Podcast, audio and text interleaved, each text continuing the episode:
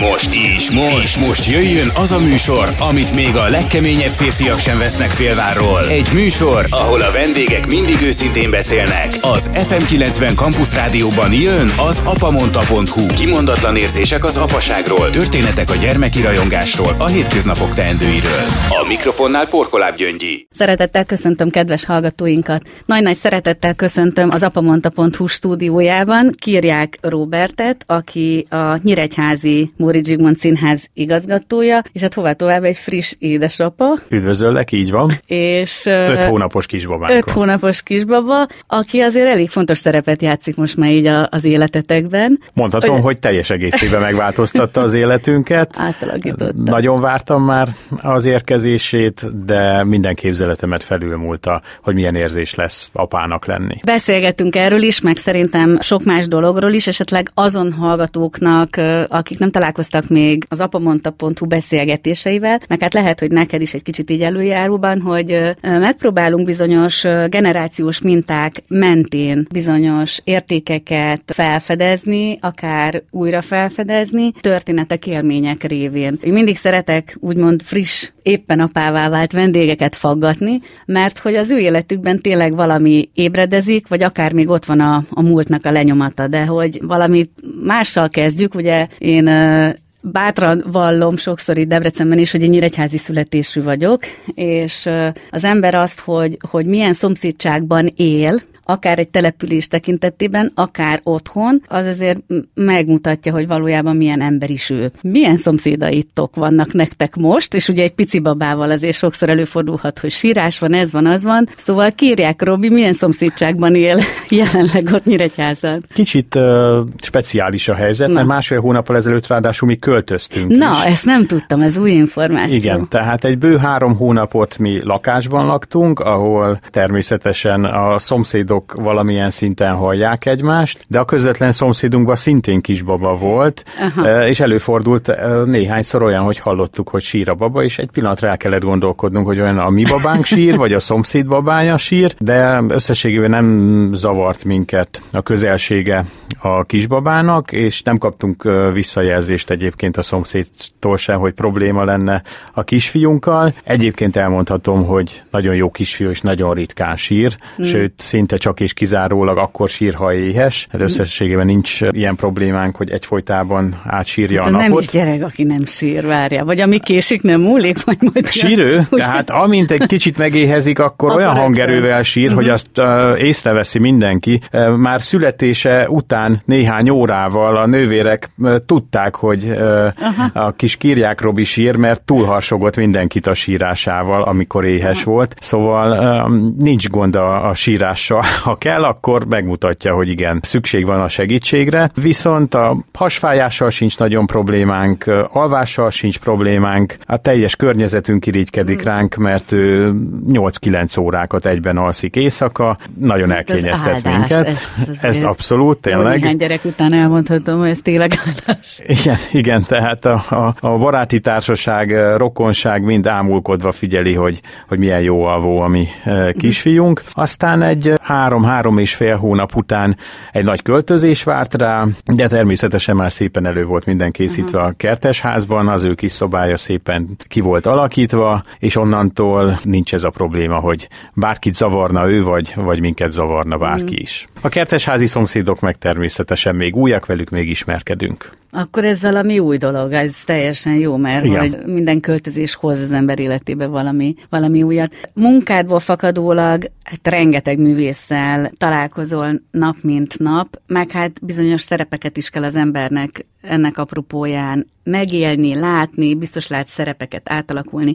Az, hogy apává váltál, az, az számodra ebben a bizonyos szereposztásban, mert hogy a, az ember az élete során tényleg többféle szerepet megél. Milyen élményt jelentett? Ugye te na- nagyon vártad ezt az apaság kérdését, nagyon sokan őszintén megvallják, hogy nem rögtön a gyerekük születése után érzik azt a belső érzést, amikor azt tudod mondani, hogy, hogy, hogy én apa vagyok, és ott a kisfiam, és ez egy nagyon szerintem tiszta és őszinte szembenézés, aki ezt elmeri mondani, hogy a te esetedben ez hogy volt, hogyan tudtál egy ilyen típusú életbe egy újabb szerepet kreálni, vagy nem a, is kreálni. Az apaság számomra kicsit később jött, mint ahogy tervezve volt, tehát már túl vagyok 40-en, nem is nagyon szokványos talán, bár manapság azért hmm. egyre több férfinál előfordul, hogy 40 fölött születik gyermeke, az már ritkább, hogy az első gyermek születik 40 fölött. Nekem így alakult az életem, ami nagyrészt annak volt köszönhető, hogy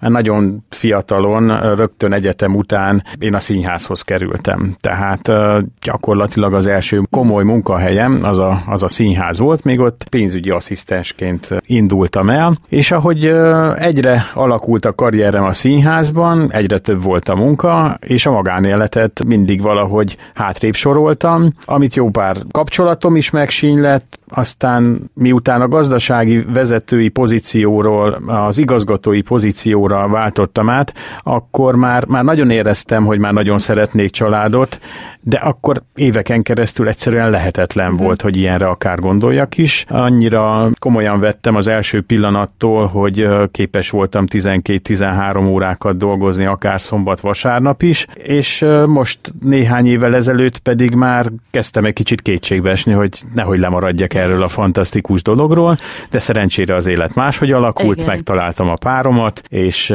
megszületett a várva várt kisfiunk is. Ahogy így hallgatlak, ugye az embernek megfordul a fejébe, hogy élünk úgymond bele a nagyvilágba, de hogy mennyire fontos talán egyfajta tudatosság, ami fakadhat egy intuitív érzésből, egy megérzésből. Én most ezt persze csinálom, és szeretem, de hogy, hogy valami nagyon hiányzik, és akkor az ember megpróbál azért tenni. Te mennyire vagy egyébként tudatos az életben, mert így, ahogy látja az ember a munkádat, meg most ez a fajta felismerés, amit elmondtál, hogy, hogy mit éltél meg, hogy nyilván vágytál arra, hogy apa legyél, vagy párkapcsolatra. Mit látsz ebben? Mert sokszor azt lehet látni, hogy ma fiataljai sodródnak inkább, mint hogy tudatosan építsék a jövőjüket. Én azt hiszem, hogy amennyire céltudatos lehet egy ember, én talán az vagyok. Be kellett valljam magamnak korábban, hogy nem az első helyre soroltam a családalapítást, hanem a karrierépítést és egyéb álmaimnak a megvalósítását. Az utazások nagyon fontos szerepet játszottak az életemben. Igyekeztem minden évben legalább egyszer eljutni valahova távoli országba, De akár két hétre. Magad, kiutaztam magam, tényleg bejártam a fél világot. Aztán. Tehát ezt a részét megéltem az életemnek, amire nagyon vágytam. Természetesen még nem akarom befejezni az utazgatást, csak innentől hármasban fogunk utazgatni reményeim szerint. Feltérképezted, látod a világot, hogy hova, miként, milyen feltételekkel érdemes utazni, mennyivel könnyebb lesz most. Nem? Így van, így van, de azért a bakancslistán még, még rengeteg még ország van, amit szívesen megnéznék. Mint például? Például Ausztráliában nagyon vágyom, nagyon Aha. kíváncsi vagyok arra az országra az ott élő emberekre, kultúrára, vagy mi az? Leginkább, leginkább a kultúra, ami érdekel engem. Eddig már jó pár egzotikus országot ö, megjártam, és, és minél mm. különlegesebb volt, annál jobban élveztem. Ausztrália az, az annyira távoli, hogy valamiért mindig Aha. ott volt a, a fejemben. Pont a munkámnak köszönhetően az, az legalább egy három hetes út, de inkább egy hónap, amit rá kell szánni, legalábbis azt mondják, mm. és egyelőre ennek nem látom realitását, hogy, hogy ezt meg tudja oldani, de majd egyszer eljön mm. ennek is az ideje. Melyik az a hely, amit most, ami most beugrik, hogy amikor nagyobb lesz egy kicsit a kisfiad, akkor oda elsőként szeretnétek elmenni hármasba? Hát szinte biztos, hogy New Yorkba fogunk utazni, ugyanis a feleségem 18 éves koráig New Yorkban élte az életét, tehát ő félig meddig amerikai, és eh, nagyon vágyik vissza, úgyhogy azt meg is beszéltük, hogy amint ő, mármint a, a kisfiunk kicsit felcseperedik, rögtön el fogunk látogatni New Yorkba. Én ráadásul Amerikában már többször voltam, de New Yorkot még nem néztem meg, tehát a vakancslistás város New York, hogy lesz egy olyan szuper idegenvezető. Ugye a tudatosságról beszélgettünk egy kicsit, tavaly ősszel kaptad meg a következő öt évre a kinevezésedet, amihez ezúton is gratulálok. Köszönöm. Ugye ez 2022 februárjától. Így van, onnantól él az öt év. Az a következő öt éves ciklus. Ugye itt, amikor tudatosságról beszélgettünk, hogy, hogy én láttam veled sok beszélgetést, interjút, és pont azon gondolkodtam, hogy a Kiriák Robi le tudja vetközni ez a nagyon szabálykövető, nagyon pénzügyi módon gondolkodó merevségét, ami megfogalmazódott bennem, hogy ugye a művészet vagy a színházigazgatás az persze kívülről nagyon művészi teljesítmény tűnik, de talán akkor működik jól egy színház, ha ez a fajta úgymond szigor, vagy, vagy keretek, vagy, vagy szabályok ott vannak? Mert valamitől jól működik ez a Nyíregyházi Múri Zsigmond Színház. Igen, hát nekem nagyon nagy segítség volt az, hogy mielőtt igazgatóvá kineveztek, én 14 évet dolgoztam a színházban. Tehát rengeteg előadást láttam. Nagyon sokszor ott voltam az igazgatóval, mikor a szereposztásokat összeállította, a havi műsort összeállította. Tehát nem e- lehet úgy hasonlítani ezt, mint hogyha egy sima közgazdász végzettségű embert mm. beült ültetnének igazgatónak. Nekem egy nagyon komoly színházi tapasztalatom volt, és művészileg már volt egy rálátásom a dolgokra. Nem akarlak félbeszakítani, csak hallgatói füllesz gondolkodva. Tehát egy szereposztásnál akkor ott az igazgató, művészeti igazgató mellette, mint pénzügyi igazgató, vagy gazdasági igazgató is nagyon sokszor ott lehettél, tehát ez nagyon fontos része, hogy, hogy tényleg a, akár az évad tervezés, utána következő egyéb feladatoknál ez a fajta gazdasági szemlélet is ott legyen? Nem volt ez Vagy mindig ez... tudatos, uh-huh. csak épp úgy alakult, hogy, hogy, hogy épp mondta az igazgató, hogy hát oda uh-huh. őt kellene hívni, mert uh, ő passzolna oda. Sokszor ugye anyagi feltétele is volt annak, Hogyne. hogy kit hívunk vendégszínészként, azt pedig velem megbeszélte uh-huh. előtte. Tehát nagyon sok olyan dolog volt, ami a, a gazdasági vonatkozása miatt szóba került köztünk. Én pedig meg sem álmodtam, hogy egyszer színházigazgató leszek, csak nagy érdeklődéssel figyeltem ezeket a dolgokat, és amikor úgy hozta az élet, hogy kineveztek igazgatónak, akkor elkezdtem felidézni ezeket az emlékeimet, és elkezdtem végig gondolni, hogy a 14 év alatt milyen dolgok jutottak eszembe, amit én másképpen csinálnék. Aztán hónapokig csak ezeket raktam össze a fejemben, majd megvalósítottam mindet. Na volt most egy mondatod, azt mondtad, hogy úgy hozta az élet, hogy színházigazgató lettem, ugye akkor boncogassunk két dolgot, hogy mi szerettél volna lenni gyerekként? Gyerekként nekem több álmom is volt. Legelőször is építészmérnök szerettem volna lenni, aztán jogi pályára készültem, még középiskola első-második osztályában teljesen biztos voltam benne, hogy én jogi pályára fogok elindulni. Aztán végül úgy döntöttem, hogy a legjobb, hogyha közgazdász leszek, mert abból még utána bármi kisülhet, és végül így egy pénzügyi számviteli főiskolát, majd itt Debrecenben a Közgázegyetemet végeztem el. Tehát van egy kis debreceni kötődésem nekem is. Na tessék, de akkor a tudatosság itt is ott van, nagyon erőteljesen, tehát hogy valahogy Igen, van benned ez, egy ilyen, ugye? Ez ilyen akár... fegyelmezett belső tartás? Hát, vagy? talán ez mondható gyermekkori kicsit hobbimnak, de ez több volt annál, mint, mint hobbi. Versenyszerűen sakkoztam gyerekkoromban. Tehát már 9-10 évesen egyre többet jártam versenyekre, majd korosztályos válogatott is voltam, nemzetközi versenyt is nyertem, játszottam Pesten a Vasas NB1-es sakcsapatában, és rengeteg élmény kötődött nekem ehhez, és ez a sakk, ez valószínűleg kicsit formálta a gondolkodásomat, mindenképp a, a tervezés, az előrelátás, az előre gondolkodás, az a saknak a sajátossága, és szerintem ez nekem annyira átitatta a gondolataimat, hogy kihat az egész életemre. De összességében büszkén vállalom, hogy nagyon nagy segítség az életem életemben a sakkozói tapasztalat. Egyébként most jó pár évvel ezelőtt újra visszatértem egy kicsit a sakk közelébe. Hát szerintem 5-6 évvel ezelőtt kerestek meg, hogy vállaljam el a megyei sakszövetség elnöki pozícióját, két éve pedig bekerültem az Országos Sakszövetség elnökségébe is a Szabó László úr meghívására. Egészen érdekesek ezek az összefüggések, amikre én is most eszmélek föl, hogy így beszélgettünk, hogy mennyire érdekes, hogy, hogy szoktuk mondani, hogy játék az egész élet. Ugye a színház az különösen ennek egy fantasztikus színhelye, lakhelye, platformja, és akkor ugye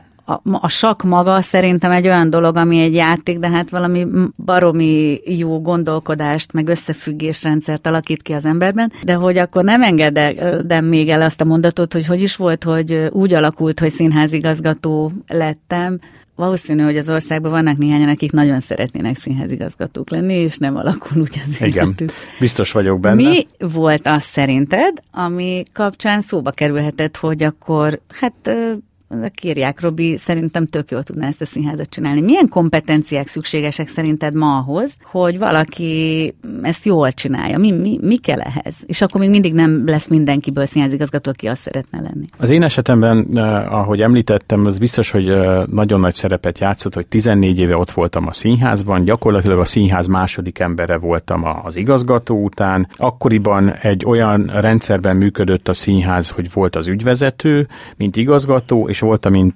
cégvezető, tehát szinte egymás mellé voltunk rendelve. Akkoriban az igazgató szinte csak a művészeti dolgokat uh-huh. intézte, én pedig minden mást. És amikor úgy alakult, hogy üresen maradt ez az igazgatói pozíció, akkor igazából egy hirtelen döntést kellett hoznia a dr. Kovács Ferenc polgármester úrnak, és úgy látta, hogy amennyire cégvezetőként a munkámat megismerte, rám lehet bízni a színházat, de akkor ez egy átmeneti megoldásnak tűnt. Megvan ennek a módja, hogy hogy kell egy pályázatot lebonyolítani egy színházigazgatói székért. Fél év múlva kiírásra került ez a pályázat, de addigra a társulat már olyan szinten mellém állt, annyira támogattak. Önkormányzat részéről is nagyon Belső sok biztató. pályázóként voltál akkor így. Gyakorlatilag igen, és uh, mivel a, a társulat annyira mellettem volt, hogy a végén más nem is adta be a pályázatot, mert tudták, hogy, hogy annyira mellém állt már mindenki. Na, akkor és még... így volt az első öt éves periódusom. Oké, okay, na csak mutatom a tükröt, tehát hogy most elmondtad, hogy hogy lettél, de szerinted mi kell ehhez? Milyen tulajdonságok mm, kellenek ahhoz, hogy ma, és akkor tényleg a, a jelenről beszéljünk, hiszen nincs könnyű helyzetben egyetlen egy kőszínház sem, és annak az élén álló vezetők sem. Szerintem a mai színházi életben nagyon fontos, hogy az igazgató átlássa pénzügyileg, gazdaságilag a színház működését. Általában a színházi működést, vagy az adott színház működését?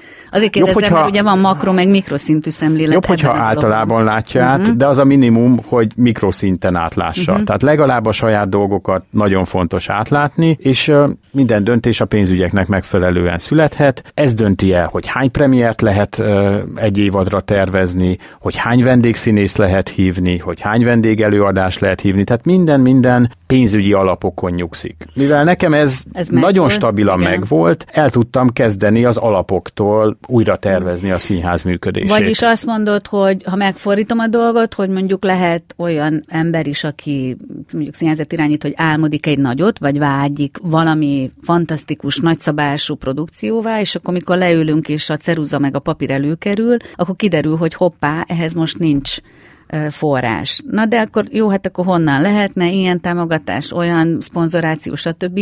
De hogy ebben is valami mértéktartás, vagy mértékkeresés, vagy realitás érzék az, ami működik, vagy kell, hogy mindig a felkiáltójelet oda tegye? Én azt látom, hogy a legtöbb sikeres színházigazgató, legtöbb sikeres művész színházigazgatók, általában rendezők, vagy esetleg színészek, ők azért egy jó pénzügyi vénával is rendelkeznek. Ami adottság, de a legtöbb helyen van mellettük egy nagyon szigorú gazdasági igazgató. Ha nincs mellettük szigorú gazdasági igazgató, akkor egy színházat 5 perc alatt csődbe lehet vinni, mert hogyha ő meggyőzi, mármint az igazgató, a gazdasági igazgatót, hogy ó, majd megoldjuk, majd szerzeként támogatást, majd lesz Jön valami megoldás, valami meg, akkor ha ezek a dolgok nem úgy alakulnak, akkor egy pillanat alatt csődbe lehet vinni egy színházat. Tehát kell egy nagyon szoros együttműködés a gazdasági igazgatóval szerintem, hogyha ott nincs meg a tapasztalat az igazgató részéről, ami egyébként nálunk a Tasnári Csabával nagyon jól működött. Tehát ő rendezőként megálmodta a dolgokat, én pedig sokszor visszahúztam a földre, hogy oké, okay, ez nagyon jó, de eddig tudunk menni, és nem tovább. Jó, de... akkor itt még fagatlak, mert itt megint kell valami olyan emberi kompetencia, kompetencia, ami az együttműködési készség, a, az, a kommunikáció? Az, Tehát mi, mi az, ami azért ezt működteti? Mert ugye mondtál egy rendszer szintű szemléletet, egy jó gazdasági alapokon nyugvó évatervezést, vagy színházi tervezést. És az együttműködő, és az készség, együttműködő készség, az természetesen nem csak a színházigazgatóval, hanem a színházban dolgozó Bizony. minden szakemberrel, és itt nem csak a művésznőkre, művészekre gondolok, rendezők, tervezők, uh-huh. koreográfusok, de akár a műszakis kollégák, a világosítók, hangosítók, díszítők, de mindenkivel meg kell találni a megfelelő hangot, mert különben nagyon hamar nehézségekbe ütközik az ember. Ja, ha már ez egy generációs műsor, akkor itt pont ennek kapcsán az emberbe felmerül, hogy, hogy édesanyád, édesapád mind a ketten azért kultúra kedvelő emberek, hogy ezt vissza tudsz emlékezni, hogy hoztad-e ezt valahonnan, hiszen nyilván a lenyomató ott van, hiszen mintákból nevelődünk néha, nem is kimondott szóból, hanem amit látunk.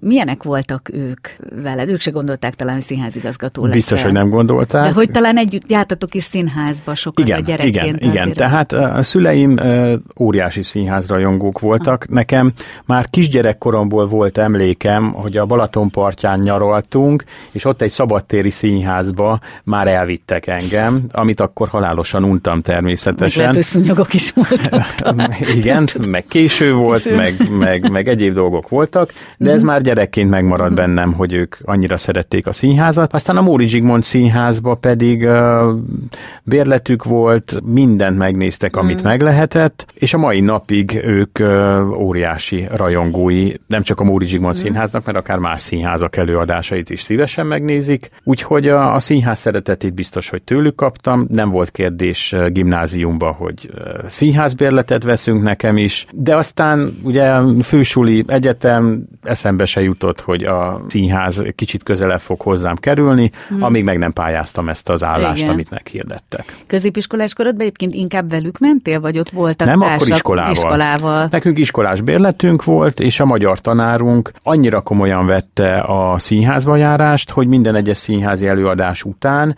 egy órát rászánt, hogy átbeszéljük a, az utolsó színházi előadást. Tehát ez is biztos, hogy hatással volt rám. Egyébként egy kis kitérőként, ugye gimnáziumban így volt nekünk is, a Kródi Gyula gimnáziumban, és akkor volt egy olyan hagyomány, vagy nem is tudom minek, akkor kezdték ezt el, hogy színészek kiálltak középiskolákba, és beszélgettek a diákokkal, és ennek már azért jó néhány tíz éve. Ó, visszagondolni is furcsa, hogy, hogy jó, jó régen, és hát ugye akkor volt a, a Slanger korszak, Rékasi Károly, Orosz Helga, Safranek Károly, tehát voltak jó néhányan, akik azért ma, ugye pont a Safranek már nincs közöttünk talán, de ez a fajta színházépítés, vagy annak a kultúrának a megteremtése, amit ilyen kor, vagy színházi edukációnak nevezünk most talán, hogy hogyan lehet a mhm. fiatalokat becsábítani. Ugye különböző próbálkozások vannak erre vonatkozólag. Ez most is megvan Nyíregyházán, hiszen Nyíregyházán az a fajta közönség, vagy közösségépítés is, ami utána a közönségből alakult, tehát és akkor mindjárt erről beszélgetünk egy picit részletesebben, az talán köszönhető valami ilyesmi nyitásnak is, és ez még ugye a Verebes érában volt. Egyrészt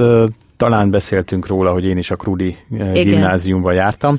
Az én időmben nem jártak ki színészek, tehát ilyen emlékem nekem nem volt, viszont nem is tőlem indult, még Tasnári Csabától indult, mm. középiskolákba uh, ugyanúgy uh, mennek ki színészeink, uh, leginkább azt a struktúrát követjük a mai napig, hogy egy előkészítő órát tartunk, aztán meg, jönnek megnézni egy előadást, a középiskolások majd egy feldolgozó órát. Uh-huh. Tehát egy ilyen hármas rendszerben ismerkedhetnek meg kicsit mélyebben az előadásokkal, és itt természetesen a színészeink, akik uh-huh. tartják ezeket a elő- és utó órákat. Legtöbbször kapunk pályázati segítséget is erre, uh-huh. és hát nagyon sok olyan fiatalt is színházba tudunk hozni, akik egyébként középiskolásként nem biztos, hogy kedvet kapnának. Mi a cél ilyenkor? Adott esetben akár az is, hogy elolvassák azt a művet, amit mondjuk éppen színpadra állít a, a színház, hiszen itt azért néha rendezési felfogások is különbözőek lehetnek, mint az a adott leírt regény vagy, vagy mű. Itt egy kicsit változtattam a rendszeren. Korábban szinte csak és kizárólag kötelező olvasmányok és olyan darabok voltak, amit mélyen súlykol az iskola a gyerekek fejében. Én pedig azt mondtam, hogy más irányt is követnünk kell. Mm. Én azt mondtam, hogy érezzék nagyon jól magukat a színházban. Nem feltétlenül az a fontos, hogy a legnagyobb mélységet tapasztalják meg, hanem töltsenek el ott két-két mm. és fél órát, ami, ami után azt mondják, hogy ez a színház nagyon jó hely. Utána, ha elkezdik az egyetemet, és már lesz egy kis saját jövedelmük, akkor döntsenek úgy, hogy igen, ők ebből szánnak egy kis pénzt arra, arra, hogy ezt a szórakozást újra átéljék. Tehát én inkább megfelezem most már a dolgot, eddig száz százalékban csak az oktatásnak volt alárendelve, én a középiskolás bérletből legalább két előadást mindig úgy választok ki, hogy kimondottan jól érezzék magukat, akár egy vígjátékkal, akár egy zenés előadással, mert szerintem ez is fontos. Ne azt súlykolják a diákok fejébe, hogy ez kötelező, kötelező nézni kell, hanem őnek legyen meg a saját kis véleménye, és mondja azt, hogy hú, hát ilyen is lehet a színház. Most, hogy már van egy kisfiad, ugyan még csak öt hónapos, elképzeled azt, hogy, hogy akár apaként is fogsz már gondolkodni amikor egy-egy ilyen diákbélet összeállítás van, akár vezetőként a Fedben majd? Tehát, hogy az emberben ez formálódik? Hogy látod? Persze most ne szaladjunk előre az időben, mert még most csak öt hónapos, de hát... Biztos, hogy hatással, hatással lesz, lesz a gondolkodásomra. Uh-huh. Már érzem, hogy van, de a jövőben ez, ez még inkább már látható. van? Már van, már van. Miben Tehát, például? Hát szerintem eleve az időbeosztásom az, az teljesen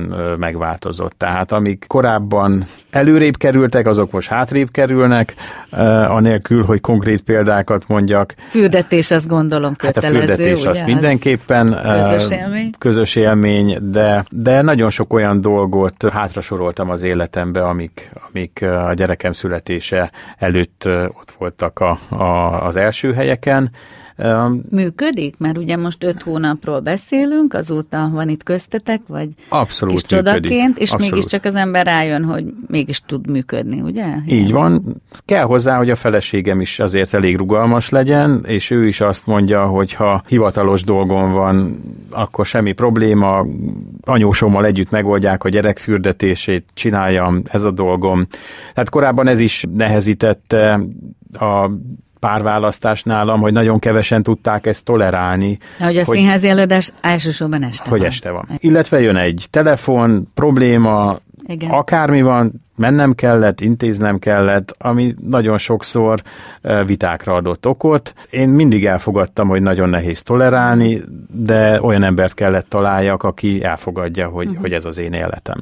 A feleséged szakmabéli, vagy nagyon távol áll ettől a területtől? Ő marketing szakember, Akkor tehát annyira, annyira nem, Igen. és igazából az a cég, akinél ő dolgozott, mert ugye most gyesen van, ő csinálja a színháznak részben a marketing dolgait, és így ismerkedtünk meg. Hát ebből még akkor nem csak egy kis fiú lehet, hanem lehet egy még gyümölcsözőbb valami Igen. Együttműködés. Hogy a színház kapcsán is, meg talán a más területeken is mindig örök téma ez a, a hagyomány, vagy a, vagy a innováció, vagy a, a modernség. Ugye ez a színházak életében talán különösen előtérbe kerül akkor, amikor egy új felfogású rendezés vagy díszlet kerül elő. Róla ezt lehet tudni, hogy rendkívül közönségbarát színházat szeretnél csinálni, de nyilván nem megalkudva olyan módon, hogy akkor most csak nevetésről és csak ilyesmiről szóljon a, a történet. Szóval akkor hogy van nálad mérlegen ez a hagyomány és innováció, vagy innovatív elképzelések? Igen, ezt is kinevezésem után én nagyon precízen mérlegre tettem, Na. és elég hosszasan tanulmányoztam ezt a dolgot, hogy hogy tud működni egy úgynevezett népszínház, mert egy nyíregyházi színháznak mindenféle igényeket ki kell elégítenie, és a korábbi korábbi kinevezésem előtti időszakban tény, hogy sokkal uh, nagyobb uh, súlyban volt a, a művész jellegű mm. színház. Én pedig nagyon precízen megterveztem, hogy az öt nagy színpadi bemutatóból az első legyen egy zenés, vagy vígjáték, a második legyen egy komolyabb, e, aztán megint egy könnyedebb, megint egy komolyabb, megint egy könnyedebb. Tehát, hogy ne legyen olyan, hogy két-három előadás is csak, csak mély és gondolkodtató, Igen. hanem zökkentsük ki folyamatosan a nézőt e, a megszokott kerékvágásból, és ez mondhatom, hogy az elmúlt hat évben nagyon szépen beállt. Ellensúlyozásként viszont a, a kamara színpadonkon e, sokkal több művészi jellegű előadást tűztünk, készítünk műsorra, és itt is annak érdekében, hogy növeljük a nézettséget, egy-egy vígjátékot, vagy egy-egy zenés előadást műsorra tűztünk. Ezek az előadások általában bérletszünetbe is nagyon sokat tudtak menni, amivel elértük azt, hogy megnövekedett az első négy évben a Covid előtt, megduplázódott például a kamara bérleteseinknek a száma. Az óriási dolog. Én is ezt nagyon nagy dolognak gondolom, de elértük ezzel egyúttal azt is, hogy azok a nézők, akik a populárisabb előadás miatt megvették a bérletet, utána megnézték a művészi előadást, és mivel minden évben növekedett a Covid berobbanásáig a bérleteink eladása, ezért úgy gondolom, hogy nem pártoltak el ettől függetlenül uh-huh. tőlünk. Tehát ez a megkínálom egy kis vidámsággal, mert látjuk, hogy azért szüksége van az embereknek, meg töltődnek belőle, és akkor utána ezen a platformon... És utána szépen egy. Kis be, a... Úgy idézőjelben, behetetjük őket azzal, ami egyébként sok színházi szakembernek célja, hogy na hát Igen. hát akkor a komoly, gondolkodó és tényleg uh, ilyen jellegű Én egyébként ugyanolyan fontosnak tartom ezeket a mély előadásokat, de a mértékét azt szerintem nagyon-nagyon óvatosan kell adagolni, mert Igen. ha túlzásba viszi a, az ember, akkor egy pillanat alatt elijeszthet sok nézőt, uh-huh. viszont ha megfelelőek az arányok, akkor ez, ez jól tud működni. Sőt, hát itt volt ennek, az, ennek a beszélgetés sorozatnak vendége több színész, aki komikus színész, és azért sokszor beszélgettünk arról, hogy kívülről úgy tűnik, hogy ezek a könnyedebb darabok, de hogy milyen komoly teljesítmény van azért nagyon sokszor egy-egy vidámabb hangvételű darabnak, akár a dramaturgiája, azok a spontán elhangzó olyan poénok, tehát a poentírozás az pontosan ugyanúgy komoly feladat, ezt jól Így van, így van. Látjuk. Eleinte, amíg nem láttam annyira mélyen bele egy-egy előadás elkészülésébe, én is azt gondoltam, hogy hát a vigyáték az milyen könnyű, a dráma Aha, milyen nehéz. nehéz. Most, hogy ilyen sok éve benne vagyok a színház világában, abszolút biztos vagyok benne, hogy egy jó vígjátékot nehezebb megcsinálni, mint egy komoly drámát, és sokkal több rendezőnek gyűlt meg a, a baja egy sikeres vígjáték elkészítésével, mint egy sikeres drámának a, az elkészítésével. Ami nálunk még különleges, és uh, szintén kicsit a, a fiatalok irányába mutat, hogy próbálunk uh, ősbemutatókat, leginkább Broadway-ról áthozott ősbemutatókat műsorra tűzni, és nem Igen, csak ez a... most egy új kezdeményezés, ugye? Vagy tavalyi, hát már, vagy, már, már harmadik, éve, éve. Harmadik az, éve már. Mert azért a Covid tükrében a harmadik éve, az sokszor szoktunk beszélgetni, mikor volt tavaly, vagy tavaly előtt, vagy hogy is, de akkor nem volt semmi, ja? Akkor, mm. tehát, hogy ez a három év távlat Igen. most egy kicsit... Igen, hát kezdtük már... az Édes Charity-vel, aztán ami nálunk lett először bemutatva az Idétlen időkig, filmváltozat alapján készült musical, és most ez ismét egy nagyon híres film, a Kapjál Hatuc történetére épülő musical, ami a mostani évadunknak lesz a, a nagy zenés bemutatója. Tehát ilyen előadásokkal próbáljuk a, az új generációt uh-huh. kinevelni, mert bizony a színházaknak gondolni kell folyamatosan erre, hogy egy, egy kiöregedés miatt is csökkenhet előbb-utóbb a nézőszám, és ez csak úgy fog működni, hogyha a fiataloknak is folyamatosan felkeltjük az érdeklődését. Előttem az utódom, avagy mennyire esett messze az alma a fájától.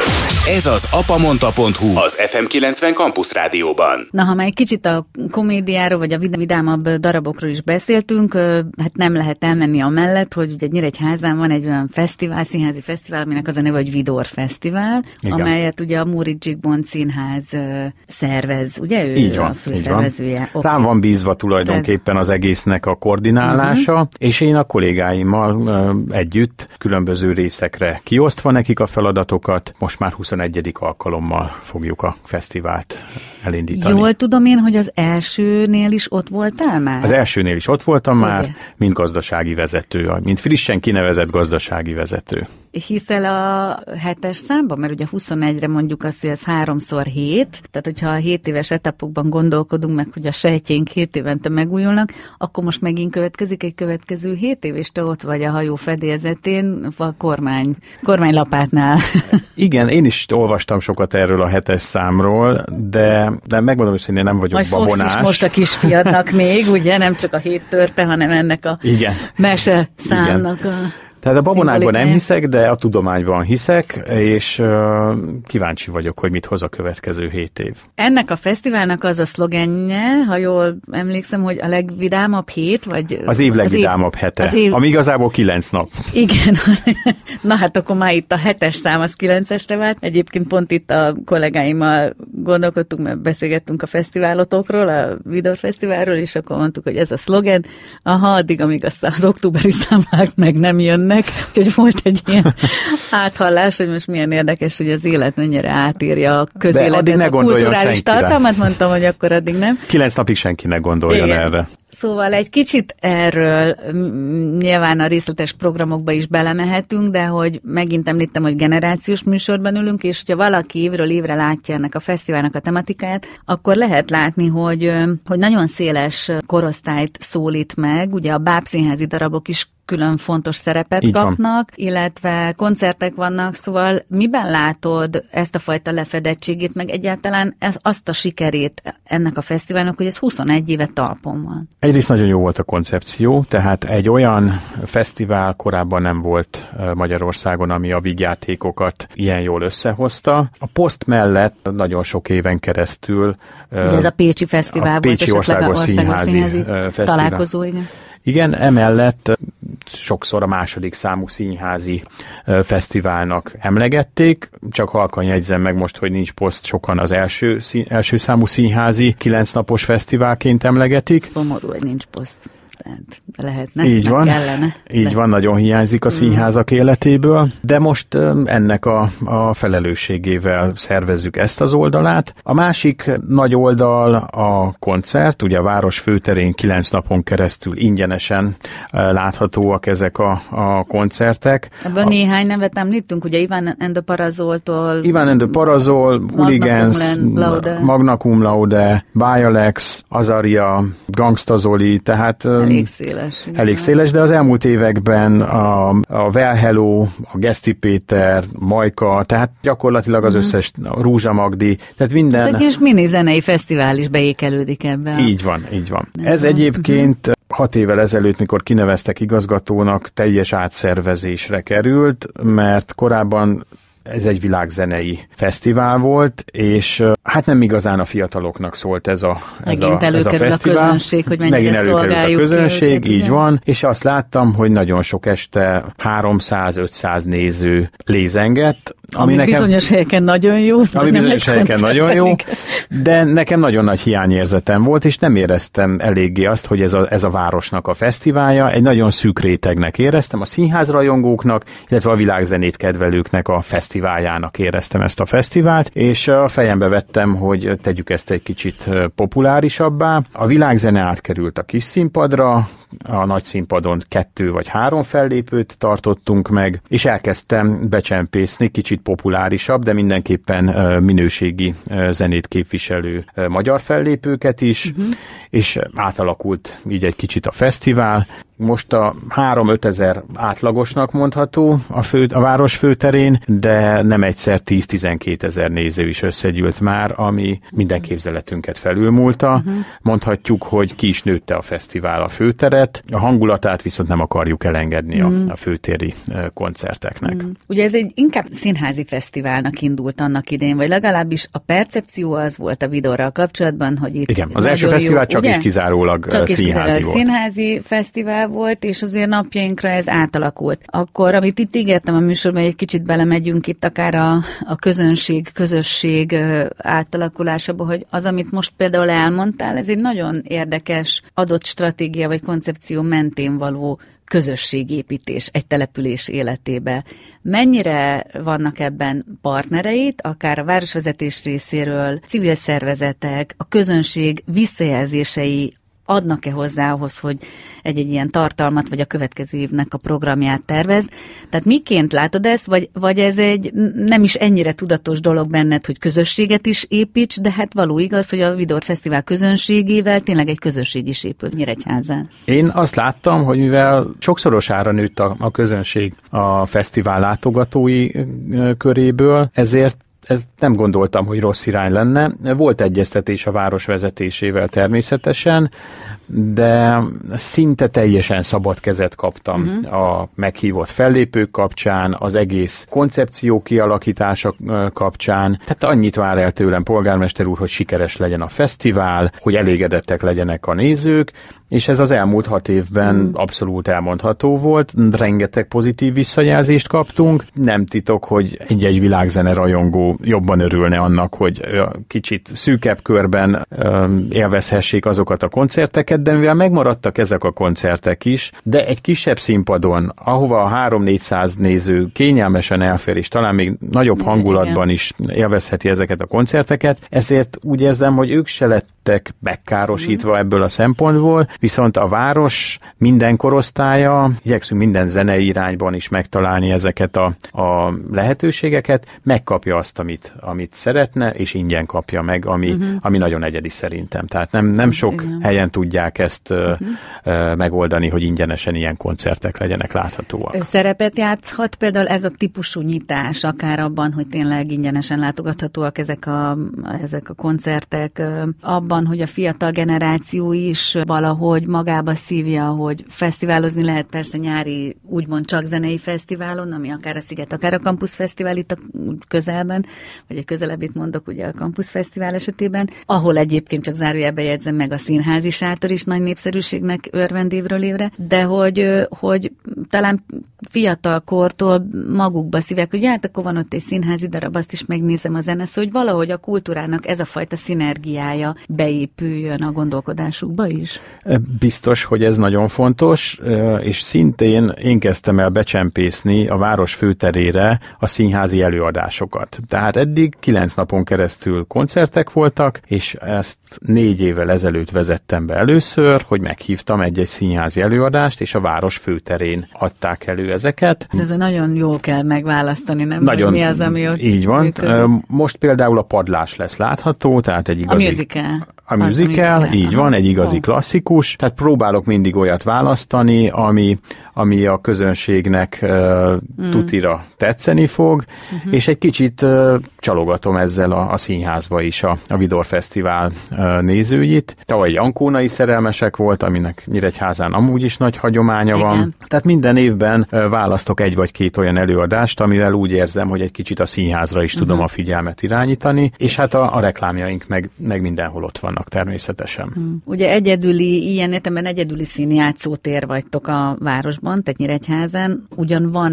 más helyszín is, volt a művelődési ház, ahol voltak bizonyos darabok, illetve hát van egy ö, amatőr szintársulat, ugye a Mandala. A Mandala, hát nagy részt igen. Tudtok valamilyen szinten egyébként együtt működni, mert egy-két településnél ugye azt lehet tapasztalni, hogy azért a külszínháznak, ha van minőség és ereje, akkor mindig egy ilyen kisebb harc alakul ki, hogy kiknek van még tulajdonképpen platform, színpad és közönség. Mandalával gyakorlatilag semmilyen együttműködésünk nincs. Városi művelődési házzal most például a Vidor Fesztiválon van olyan szinten, hogy ott lesz egy előadás, ami a Vidor Fesztivál részét képezi. Korábban Duma Színházas helyszín volt, most egyébként a Duma Színház a Rózsakert szabadtéri színpadra ah, kerül át. Tehát ami nemrég lett felújítva, és csoda szép mindenkinek felújítva. ajánlom egy nyári élményt még csípjen meg. Így van, lesz egyébként két előadás is a Duma Színház mellett a Vidor Fesztiválon.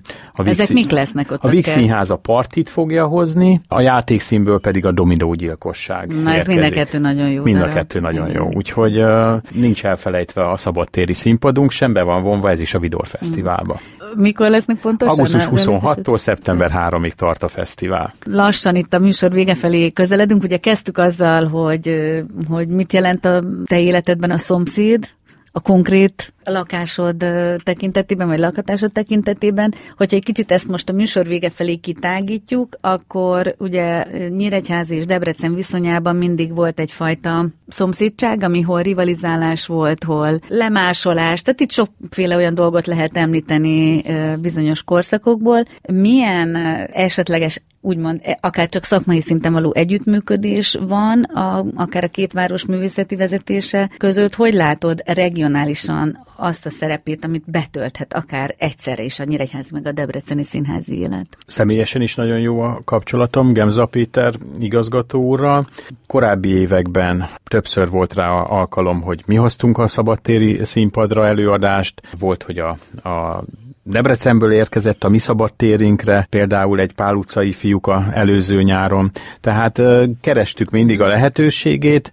A két színház méretéből adódóan azért nem olyan könnyű ezt megtalálni, tehát mi sokkal kisebbek vagyunk. Konkrétan a színpad méretünk sokkal kisebb, tehát leginkább a szabadtéri színpadokon találjuk meg ezeket az együttműködéseket, de volt olyan például, hogy egy koprodukció keretében egy debreceni színészt a Urimuriban láthatott a nyíregyházi közönség. Ugye beszélgettünk itt a műsor során egyébként a tudatosságról, hogy ebben lehet esetleg tudatosan olyan módon is gondolkodni, hogy hopp, ezt létrehozom, de azzal a fejjel, hogy esetleg ezt már be fogom tudni mutatni mondjuk a éppen napjaikban megnyíló ö, Csokonai Fórum egyik színpadán, vagy a Debreceniek gondolkodhatnak úgy, hogy hopp, milyen jó lenne ezt a, a ti szabadtériteken bemutatni, vagy akár a kőszínházban. Sőt, nálunk teljesen tervezetten minden évadban megvannak azok az előadások, amiket a tervezőnek eleve úgy kell díszlet szempontjából kialakítani, ami alkalmas tájolásra. Tehát nagyon sok minden helyi sajátosságunk van, forgószínpad, mhm. trégerrendszer, de mindig kiválasztunk olyan előadásokat, amik alkalmasak arra, hogy szinte bárhol bemutathatóak legyenek, és meg, megfelelően népszerűek is mm. ahhoz, hogy a jegyet is el tudja adni az, aki meghívja ezt az előadást. Ez az egyik. A másik egy kicsit komplexebb együttműködés, de a színházigazgató kollégákkal leginkább költségmegtakarítás miatt egyre többször szóba kerül ez a dolog. Úgy választani egy bemutatót, hogy annak a díszlete a későbbiekben átkerülhessen egy másik színházba, és ott újra bemutatásra kerülhessen. Ezt rendezők, tervezők nagyon nem szokták szeretni, de kényszerhelyzetből ez valószínűleg egyre gyakrabban elő fog kerülni. Megint említettél egy olyan dolgot, amit hát lehet, hogy ugye egy néző vagy egy hallgató ugye elmegy mellette, mert az összélményt nézi egy színháznál, de hogy a díszlet, díszlet tervezés maga, annak a kivitelezése is talán egyfajta megújulás időszakát éli, azokkal az új innovatív megoldásokkal, amiket a kreatív ipar kínál. Ugye ez is egy nagyon érdekes új téma, hogy a kulturális intézmények életét és a kreatív ipar szereplőit hogyan lehet összekapcsolni. Ebben milyen lehetőséget kaptok ti ott helyileg, tehát akár ilyen kreatív ipari megoldásokban, mert ebben rengeteg jó Igen, lehet. én már három-négy évvel ezelőtt elkezdtem elkülöníteni rá forrásokat, hogy a Letfal Parkunk magunkat felfejlesszük, és azóta egyre népszerűbb a tervezők, rendezők körében. Nagyon sok megoldást kínál egy-egy letfal, díszletek folyamatos változtatására, tehát újabb és újabb képeket láthat a néző egy LED segítségével. Nekünk ez a 30 négyzetméter, ez már olyan mm. szépen kiszolgálja az mhm. előadásokat, aminél többre nagyon nincs is szükség egyenlőre. Most a, az első bemutatónk, aminek már volt egy előbemutatója a szabadtéri színpadon, a Spemelot, például nagyon ügyesen már csak bizonyos eh, helyeken egy-egy ablakban használja ezeket a LED falakat, hm. de ez a technika szerintem a jövő, jövő sokkal költségtakarékosabb, mint mindent legyártani, kinyomtatni, megfesteni. Itt a, a grafikusoknak a, az ügyességén múlik majd a látvány. Ugye még mindig a, a kicsit a szomszédságon agyalok itt, hogy tényleg közel vagyunk olyan országhatárhoz, hogy Románia, hogy Szlovákia, Mennyire jönnek esetleg külföldről a ti színházatokba, úgy, ahogy például rengeteg magyar megy a Nagyváradi Színházba? Nekünk leginkább Szatmár Németivel van kapcsolatunk. Ez egy meglévő jó Ez egy élő jó kapcsolat. Élő jó kapcsolat. Velük is rendszeresen szoktunk előadást cserélni. Most a Színházi Olimpia kapcsán például ők lesznek Ami az 2023-ban egyik. 2023-ban, így van. Az ők lesznek az egyik meghívottjaink. Amennyire el jutnak hozzánk az információnk, vannak onnan nézőink. A felmérés konkrétan erről nincsen, tehát ez mm. nagyon nehéz mérni, hogy ki veszi meg interneten a jegyeket, Igen. de a Vidor Fesztiválon például szoktunk közvéleménykutatásokat csináltatni, és ott 5 és 10 százalék között van a, a mm. határon túli mm. látogatóknak a száma. Ez a város életében is nem mindegy, hogy milyen plusz bevételt generál, akár szállodáknál, akár Bizony. éttermeknél. Hát ezek az addicionális, igen, szolgáltatások. Igen. De kilenc napig egyébként is Nyíregyházán fullon vannak a szállodák. Hát azt elhiszem, ez a kilenc nap, hogy minél többször mondjuk, mondjuk, hogy kilenc nap, azért ez egy jó hosszú fesztivál. Ez egy jó hosszú fesztivál, igen. igen. Rengeteg, rengeteg programmal. Miben és mikor és hogy tud kikapcsolódni, kérják Robert? Édesapa vagy, vagy színház? Színházigazgató. Van ilyen? Lehet Van ilyen? Vannak tudatosan kialakított terminusok az évben, Van. amikor az... Na, Van. mikor, hát hogy? A, a korábbiakban is mondtam, hogy ami igazán kikapcsolt az Igen. agyamat, az az utazás. Utazás. Lehetőleg olyan helyre, ahol térerő sincs, ahol nem érnek el, és, és tényleg ki tudom kapcsolni az agyamat. Az leg, legközelebb Erdélyben van. Vannak olyan pontok, ahol azért nem nagyon lehet. Vagy a Mátrában egyébként. igen. Egyébként egyre inkább most közeli helyszíneket nézünk. Erdély abszolút alkalmas erre, tehát ott van a fejünkben, hogy oda is szervezünk utazást. Amikor pedig Mhm. nem utazom, akkor engem a sport kapcsol ki a, De nem, a, a nem csak a legjobban. Sakk. Nem. sakkozom már. Azt elfelejtettem mondani, hogy azt olyan Azt már- 17-18 évesen én az aktív versenyzést abba hagytam, utána néhány év levezetés még következett a sakban, de azt inkább csak pénzkeresetre használtam, mert nagyon jó kis plusz zseppénzt össze tudtam szedni belőle, de olyan 24-25 éves korom óta már nem sakkozom aktívan, hát azóta, vagy azt követően már nem volt időm Na egyszerűen majd fogsz foglalkozni. kisfiaddal, ez Vele biztos, hogy fogok, őt tutira meg fogom tanítani, de van egy másik nagy szerelmem is a, a sportoknál, ez pedig a foci. Itt egy helyi kis csapatban már 23 éve vagyunk együtt, ami, ami kimondva is borzasztó, Igen. és uh, még mindig a, a kispályán az öt mezőnyjátékos ugyanúgy fel tud állni, mint 23 évvel ezelőtt. Amely az is nagy érdem, nem? Az is nagy érdem, igen, tehát Nincs is egy- sérülés, nincs...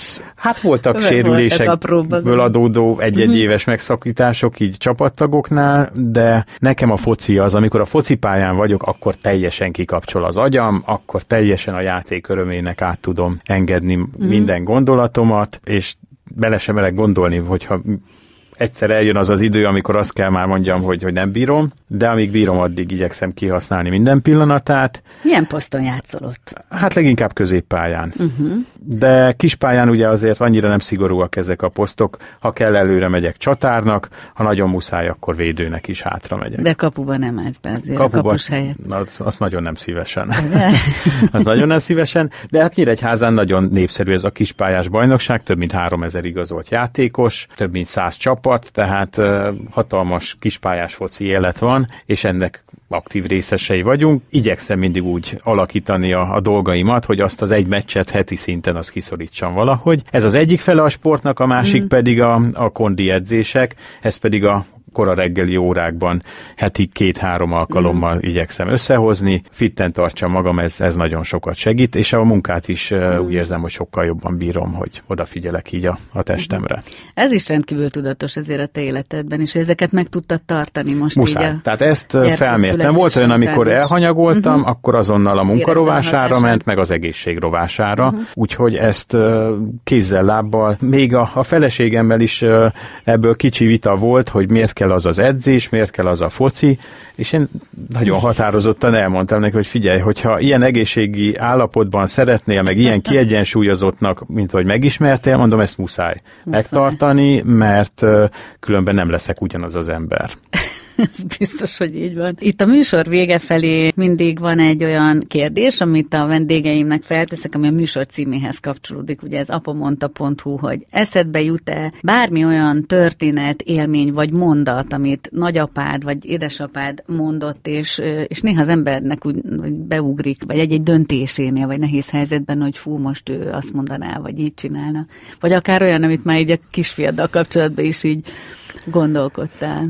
Hát nem készültem erre a kérdésre, mert ezen valószínűleg gondolkodnom kellene, hogy mi volt az, ami annyira kiemelkedő és annyira Mhm. megragadt a fejemben, de biztos vagyok benne, hogy, hogy a tudatosság az apukámtól is érkezett, tehát tőle is nagyon sokat tanultam, és a gyermekemnek is mindenképpen ezt tovább akarom adni, hogy tervezze a dolgait, hogy egy kicsit próbálja meg irányítani, koordinálni jobban a dolgokat a, a megszokottnál, mert utána ez meghálálja magát az életben. Sokkal könnyebb utána mindent csinálni, hogyha, hogyha már valamit tervezgetünk.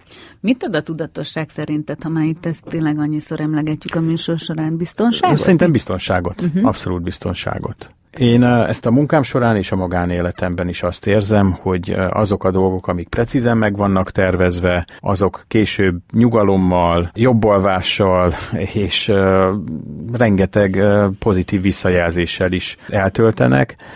A környezetem is ezt látja, és a környezetemet is megnyugtatja, akár a kollégáimat is, hogy, hogy nincs kapkodás, nincs káosz, tudjuk, mi fog történni, felkészülünk a dolgokra, és uh, néha jobb egy kicsit így unalmasan élni az életünket, mint, mint idegbajt kapni attól, hogy ez sincs a helyén, meg az sincs mm. a helyén. Ez a covidos időszakban egyébként teljesen borult, mm. tehát az, amit nagyon szépen négy év alatt felépítettem, az teljesen összeomlott. Ott minden az újratervezésről szólt, mm. teljesen új gondolatokkal kellett előállni. Amit a sak kapcsán emlegettünk, hogy tervezés, ott egy másik nagyon fontos tulajdonságnak is lennie kell, ez pedig a kreativitás, mert hogyha nincsen egy jó ötlet, akkor nincs, ami eldöntse a sakpartit, mm. tehát ötletek is kellenek, és le- lehetőleg minél kreatívabb ötletek, ez pedig a covidos időszakban ez nagyon fontos volt, tehát mm. ilyen, ilyen dolgokat elő kellett hozni. Szerintem uh, egész jól átvészeltük ezt a mm. covidos időszakot egyébként, mert szinte az összes előadásunkat be tudtuk mutatni, amit mm-hmm. terveztünk, le is tudtuk játszani a nézőknek, ugyan csúszásokkal, volt, amit szabadtéri színpadon, volt, amit más előadásra cserélve, de, de nincs hiányérzetünk. Mm. Tehát csak, csak felteszem ezt a kérdést, mert hogy annyira kerülgetjük, hogy ha már tudatosságról beszélünk ugye az ember mindennapjaiban, de hogy tudatosság a kultúrában, az szerinted mennyire van jelen akár a, a művészeti tartalmat gyártók körében, vagy akár szokások tekintetében a közönség életében? Tehát így, ha azt mondod, hogy mit jelent az, hogy tudatosság a kultúrában, akkor... Én a saját nézőinken azt látom, hogy ők is elég tudatosak. Miben? Szinte teljes biztonsággal három felé lehet bontani Igen. a nézőinket. Vannak a mindenevők, akik mindent meg akarnak kapni, ami a színházzal kapcsolatos. Vannak, akik csak ami csak a gondolkodtató előadásokat ö, szeretik, és egy, egy vigyátékra benemülnének, és van az ellenkezője, akik a legnagyobb számban vannak, sajnos vagy nem sajnos, akik csak a, a, a könnyedet, a szórakoztatót, a vidámat, amin nem kell gondolkodni, amit csak élvezni kell. Őket tudjuk legkönnyebben egyébként behozni a színházba, és őket kell egy kicsit terelgetni a, a komolyabb, a mélyebb irányába. Tehát én azt látom, hogy, hogy megvannak az ő fejükben is pontosan megvan, hogy mit várnak el a színháztól, de komoly kihívás és komoly feladat számomra is, hogy egy kicsit formáljak ezen, és ne csak egy irányba legyenek, de ez a másik irányra is igaz, tehát aki a mély előadásokat szereti, őket is próbáljuk meggyőzni arról, hogy igenis van mm. színvonalas vígjáték, van színvonalas musical, tehát ott is érezheti jó, mm. jól magát az, aki csak ezt szereti. És szokások tekintetében, mert hogy itt nyilván a pandémiát nem lehet nem kalkulálni itt az elmúlt évek kapcsán is, meg hát ami előttünk áll, mert valóban átformálta mm, talán a, a művészvilágot is, motivációban is, sok, sok dologban, hogy, hogy e, ezt hogy látod? Talán még inkább ott van az emberek fejében, hogy, hogy nem akarnak szenvedést látni a színpadon, nem akarnak háborút, nem akarnak fájdalmat, eleget látnak ebből, ha bekapcsolják a, a híradót, amit egyébként teljesen meg tudok érteni, és a mostani évadunkban egy kicsit engedékenyebb is voltam a, a még populárisabb irányába, mert, mert tényleg azt látom, hogy előző évadban volt egy augusztus Oklahomában, illetve volt egy Kurázsi Mama, amit talán a debreceni nézők is jól ismernek, egyik sem egy könnyed darab, és itt a, a, a mindenevők, illetve a populáris műfajt szeretők uh-huh. nagyon, nagyon felsziszentek, hogy nekik erre most nincs szükségük. Ők most ilyenre nem vágynak. Akik ezt kimondottan szeretik, ők, ők ugyanúgy kimutatták, uh-huh. hogy, hogy ez egy szuper jó választás volt, de, de most ha figyelembe vesszük a, a közönség nagy százalékának az igényeit, most én úgy érzem, nem annak van itt az ideje, hogy ilyen előadásokat uh-huh. tűzünk műsorra. Majd bízom benne, hogy háború és Covid néhány év múlva teljesen feledésbe merül, és újra bátrabban uh-huh. elő lehet venni ilyen előadásokat, de most talán nem ennek van itt az ideje.